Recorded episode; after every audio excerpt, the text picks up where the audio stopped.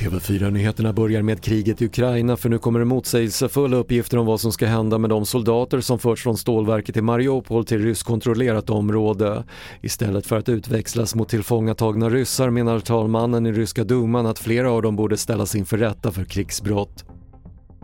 Svensk äldreomsorg står inför en stor utmaning då 200 av landets 290 kommuner har minskat budgeten för äldreomsorgen de senaste 20 åren.